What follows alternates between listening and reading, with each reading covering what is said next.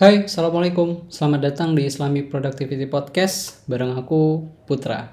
Alhamdulillah, Alhamdulillah, Hirabbil Alamin, Allahumma sholli ala Sayyidina Muhammad wa ala Sayyidina Muhammad. Alhamdulillah, akhirnya podcast pertamaku udah launch dan udah bisa teman-teman dengerin sekarang, Masya Allah, Alhamdulillah. Jadi seharusnya podcast ini muncul, harusnya udah uh, agak lama gitu, cuman sempat tertunda beberapa kali ya faktor keduanya adalah karena amanah tapi faktor pertamanya adalah karena sisi perfeksionis aku yang parah banget sih gitu. Makanya aku pun terus-terus uh, belajar untuk gimana sih cara ngatasin perfeksionis aku ini. Dan aku sadar itu nggak bisa aku hilangkan tapi bisa aku atasi gitu. Nah uh, sisi perfeksionisku yang bikin aku berpikir aku nggak mau ngasih sesuatu atau membuat sesuatu itu yang nggak bagus makanya ketika mau bikin podcast pun aku tuh riset dengerin podcast orang lain. Kayak aku ngeriset semua jenis podcast yang bahas tentang produktivitas. Dan akhirnya dari sana uh, aku pun coba ngerangkum coba ngeliat coba ngecatet coba memorize kayak apa sih gimana sih cara bikin podcast yang bagus itu gitu. Belajar banyak dari itu. Terus juga aku nyari cara atau ngeriset gimana sih bikin apa bikin intro atau uh, script yang itu bagus gitu. Makanya nyari mm, background musik nyari dan lain-lain gitu. Tapi akhirnya berujung pada kesimpulan ah daripada ribet gitu. Aku kan nggak suka ribet juga orangnya. Daripada ribet harus gini-gini harus gini-gini ya udah deh rekam aja bikin intro yang simple tapi mudah diingat menggambarkan pembahasan kita apa, topik kita apa dan mengenalkan aku ini siapa gitu. Makanya tadi ada Islamic Productivity Podcast juga ada Putra. Walaupun nanti kalau cerita tentang akunya ya nanti diselip-selipin di setiap episode podcast insya Allah. Jadi kita bisa kenal lebih dalam. Nah, alhamdulillah. Jadi uh, di podcast pertama ini yang pengen aku obrolin sama teman-teman adalah tentang productivity. Eh, hujan ya? Masya Allah, Alhamdulillah lagi hujan, lagi berkah, Masya Allah. Uh, doa dulu, Allahumma soiban nafi'an. Masya Allah, episode pertama rekaman hujan juga. Wah ini berkah insya Allah. Jadi tadi sampai mana? Sampai pengen bahas tentang productivity. Nah, uh, aku ngerasa kayak beberapa tahun ke belakang itu ilmu tentang productivity eh, atau produktivitas itu lagi dilirik banget sama banyak orang mau itu dari mahasiswa yang lagi muda-muda. Kalau SMP SMA pelajar masih minim banget. Terus juga dari sisi karyawan baik itu fresh graduate atau yang udah lumayan lama. Dan yang terakhir dari sisi bahkan keluarga kayak ibu-ibu gitu. Itu semuanya pengen jadi lebih produktif. Kenapa? Karena inti dari menjadi produktif adalah kita ingin mendapatkan hidup ideal yang kita inginkan. Kayak kita pengen mencapai sesuatu nih dalam hidup kita. Semua orang punya mimpi, semua orang punya mimpi, semua orang punya harapan. Tapi salah satu cara atau salah satu ikhtiar untuk mencapai mimpi itu atau uh, kesuksesan dalam tanda kutip ya definisinya. Di definisinya bakal beda-beda gitu mencapai kesuksesan itu adalah dengan menjadi produktif. Karena tanpa produktivitas ya uh, waktu yang digunakan pun akhirnya jadi dihabiskan untuk hal-hal yang sia-sia dan mimpi pun jadi makin jauh gitu. Nah hari ini yang banyak dikenal atau banyak dipakai sama masyarakat atau orang-orang adalah western productivity. Bahkan seorang muslim pun banyak yang pakai western productivity gitu dan uh, dulu pun ketika aku awal belajar tentang self development itu ya belajarnya pun dari western productivity. Karena gimana ya untukku dulu sudut pandangku adalah dulu itu ya yang adanya itu doang gitu loh. Adanya cuman itu. Kenapa? Karena yang ngebahas secara detail ngasih tips dan triknya secara aplikatif juga apa ya kayak ngebedahnya itu enak pembahasannya simple, deliverynya bagus, itu yang membahasnya semua tentang produk apa Western productivity. Bahkan buku-buku bestseller yang hari ini ngebahas tema produktivitas yaitu penulisnya orang-orang barat semua gitu, rata-rata. Jadi uh, Western productivity jadi teori atau ilmu yang banyak banget dipakai atau dikenal sama orang hari ini. Dan aku dulu pun awal pakai ini ketika tahun 2019 akhir uh, ketika itu habitsku ya masih jelek lah masih nggak terlalu bagus gitu. Kayak cuma nonton film main game seharian uh, ya buang-buang waktu lah pokoknya untuk hal-hal yang nggak penting. Walaupun bagiku dulu game itu penting itu berubah gitu. Nah uh, awal pakai itu aku western productivity. Nah, jadi aku pakai itu terus aku coba merubah habitsku merubah kehidupanku dan alhamdulillah berhasil hidupku jadi lebih baik hidupku jadi lebih produktif gitu. Tapi, nah ada tapinya. Seiring berjalannya waktu, uh, kayak nggak tahu kenapa ya ketika produktivitasku tinggi, produktivitasku naik, tapi kok kayak ada sesuatu yang kosong gitu. Kok kayak ada sesuatu yang berkurang, ada sesuatu yang hilang. Uh, di sini ya nggak kelihatan ya di sini tuh maksudnya di dada di hati gitu di hati tuh kayak ada kok kok kayak ada yang salah ya kok kayak ada yang kosong ya gitu Nah terus ketika ngerasain itu, um, aku cerita sama temanku, aku cerita ngobrol gitu kan sama salah satu temanku, uh, namanya Roni, uh, Syahroni sekarang tetanggaku di kontrakan ini. Cerita ngobrol sama dia terus dia bilang gini, e, put coba deh kamu balik ke Islam. Harusnya Islam itu punya loh konsep kayak gini. Karena nggak mungkin nggak dan aku mikir iya juga ya maksudnya semua hal yang baik itu pasti Islam udah punya cuman mungkin nggak dikenal aja atau uh, apa ya ngomong istilah-istilahnya itu nggak se-hype, se-viral atau sepopuler istilah-istilah Western productivity gitu loh. Di situ aku ngeliat, oh iya juga ya, ya udah deh, ya udah deh aku coba ketika nyoba gitu ketika nyoba oke okay, oke okay, Bismillah aku mau belajar Islamic productivity. Dan ketika mau belajar wah masya Allah susahnya luar biasa. Susahnya itu bukan susah ketika belajarnya ya tapi susahnya adalah susah nyari referensinya. Dan to be honest di Indonesia itu ah, masya Allah nggak nggak apa sih nggak banyak yang bahas ini. Sedikit banget. Itu pun sedikit nggak spesifik. Jadi kayak ya terus uh, kita misal ngomongin teorinya atau ngomongin sisi islaminya. Oke okay, eh, ketika kajian misal atau apa oke okay, kita dapat nih uh, teorinya. Kita dapat nih pengertian definisinya keutamaan keutamaannya tapi selalu kurang di bagian how to-nya gitu. Ini terus gimana? Ini terus harus apa? Jadi bingung gitu. Ya terus gimana? Nah mungkin uh, itu itu pendapat pribadiku ya. Itu yang aku rasakan.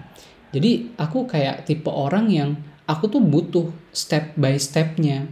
Ketika dikasih teori dikasih definisi terus utamanya apa aku butuh kayak dibimbing kayak oh step pertama ini step kedua ini step ketiga ini. Clear gitu loh.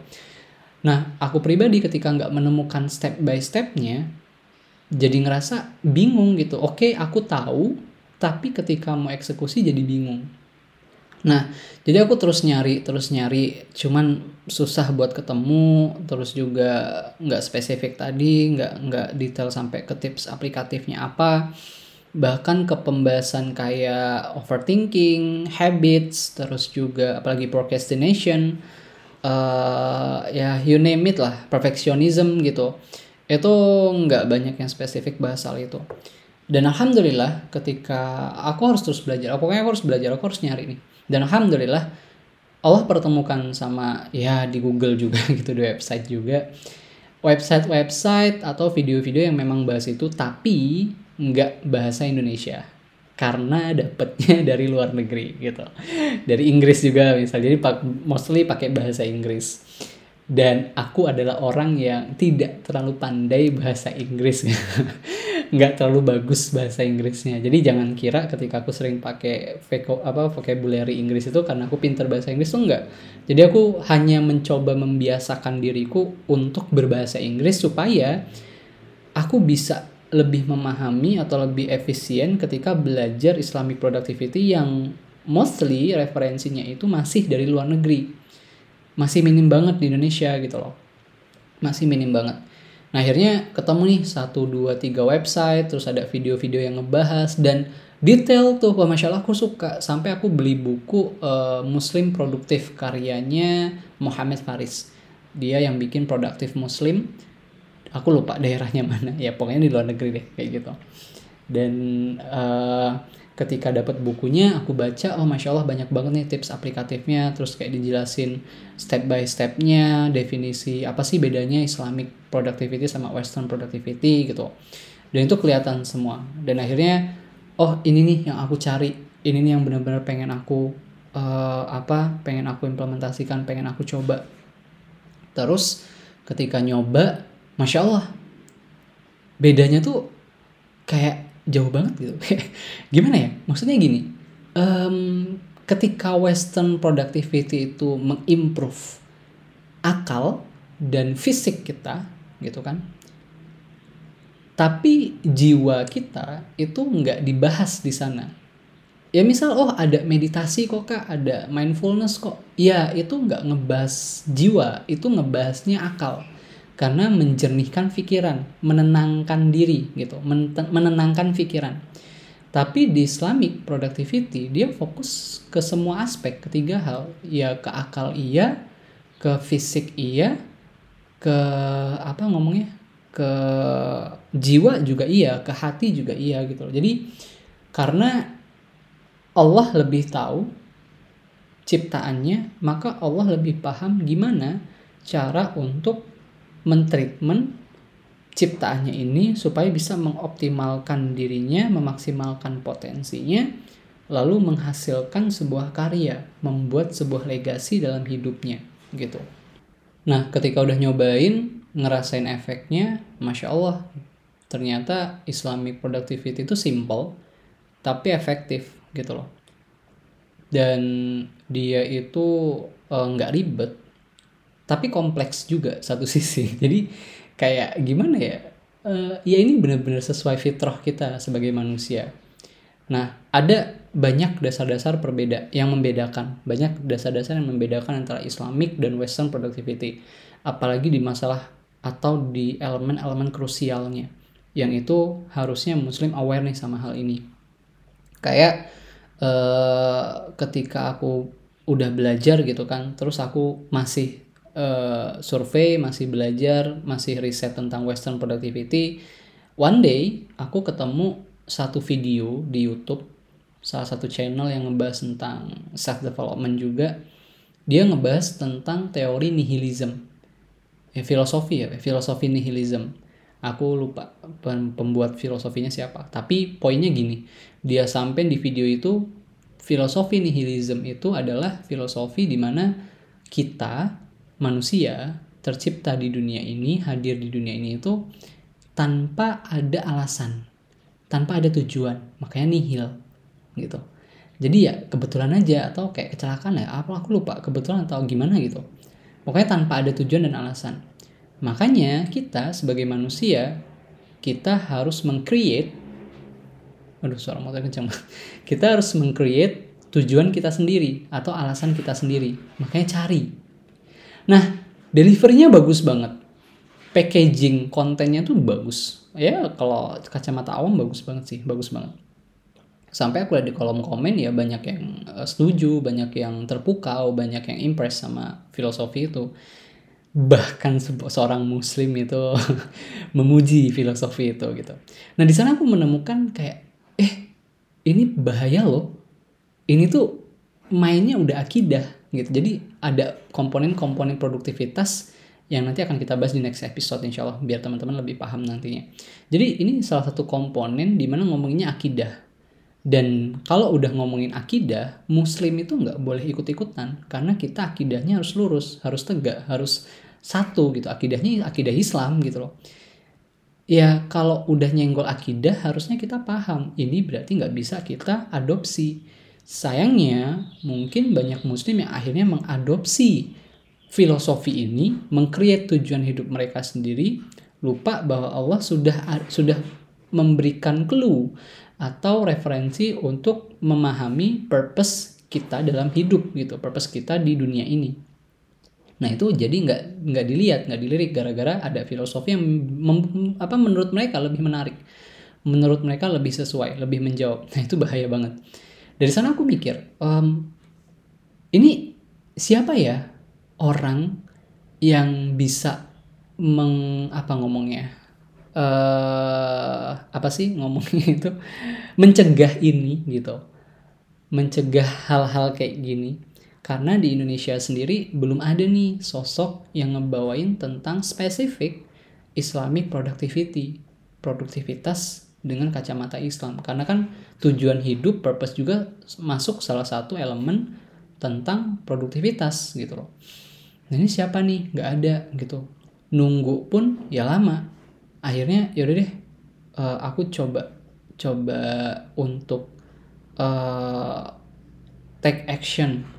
Ya udah deh kalau nggak ada yang bahas aku aja yang bahas gitu. Apa yang aku pelajari pengen aku sharingkan ke orang lain. Pengen aku bagi ke orang lain. Nah di situlah awal mulanya ketika aku mulai bikin konten tentang Islamic productivity. Aku ngebahas tentang apa sih bedanya eh apa sih itu Islamic productivity. Kalau bedanya sama Western productivity itu biasanya aku bahasnya di kelas karena aku tahu Instagram atau social media uh, kayak Facebook juga kayaknya nggak bakal cukup kalau ngebahas itu karena itu bakal panjang dan butuh penjelasan yang lengkap. Karena kalau sepotong-potong takutnya orang salah paham ngira kita bener-bener nggak boleh pakai Western productivity padahal ya boleh-boleh aja asal uh, bab akidah tadi itu nggak dicampuri atau nggak di uh, membahas atau nggak menyenggol zona-zona uh, akidah gitu. Itu nggak apa-apa gitu loh. Nah, jadi Islamic productivity sendiri akhirnya ingin aku populerkan, ingin aku kenalkan ke para muslim supaya ini jadi solusi gitu. Jadi solusi konkret untuk seorang muslim bisa menjadi lebih produktif. Dan insya Allah di next episode kita akan mulai bahas satu persatu tuh komponen-komponennya, tips-tipsnya, terus kayak apa yang aku pelajarin, apa yang aku terapkan, kayak ngatur morning routine dan lain-lain, creating habits, finding your passion, terus juga apa mm, menemukan uh, life goals kita dan lain-lain gitu. So itu tentang Islamic productivity di mana Islamic productivity itu reviewnya dari podcast kita hari ini adalah Islamic productivity itu lebih lengkap, lebih kompleks, lebih uh, sesuai fitrah dan menjawab banget kebutuhan-kebutuhan kita sebagai muslim supaya bisa menjadi lebih produktif. Karena Islam itu fokus di semua aspek yaitu di akal, di fisik tubuh, juga di hati atau jiwa. Sedangkan Western productivity itu cuma fokus kedua hal. Ya akal dan fisik aja gitu loh. Tapi mereka nggak membahas jiwa. Padahal kita sebagai manusia itu kalau tanpa jiwa ya kita sama kayak mesin, kita sama kayak robot gitu loh. Jadi ya bayangin aja mesin sama robot tuh kan tanpa jiwa banget ya makanya ya jangan sampai kayak gitu. Dan jiwa juga adalah hal yang menjadikan kita manusia. Jadi poin penting banget. Terus juga uh, dengan Islami productivity yang masih belum terlalu populer sampai hari ini semoga insya Allah dimudahkan oleh Allah. Kita bareng-bareng sama teman-teman yang dengerin ini kita bareng-bareng mempopulerkan ini gitu kita menerapkan di diri kita, orang lain melihat perubahannya di diri kita, melihat diri kita jadi lebih baik, jadi lebih uh, apa? Jadi lebih apa ngomongnya? Eh, be better lah gitu. Jadi lebih bisa dicontoh gitu. Karena muslim itu kan brand ambasadornya Islam ya. Jadi orang lihat Islam tuh nggak di Quran, nggak di hadis, tapi di kita, di kita as a muslim gitu. Makanya Islamic productivity adalah salah satu cara, salah satu ilmu, salah satu teori yang bisa banget menaikkan kapasitas dan level kita supaya benar-benar kita bisa jadi seorang muslim yang itu memang diinginkan sama Allah gitu. Seorang muslim sebagaimana yang diinginkan sama Allah, yang di uh, apa yang ditulis eh, bukan dituliskan, disampaikan sama Allah di kitabullah, di Quran, kalamullahnya itu aja untuk episode hari ini. Insya Allah kita ketemu lagi di next episode. Jangan lupa untuk follow podcast ini dan kasih rate supaya kalian bisa ikut berperan dalam penyebaran Islamic productivity, menjadikan lebih banyak muslim untuk bisa lebih produktif. Be a Muslim, be productive. Assalamualaikum warahmatullahi wabarakatuh.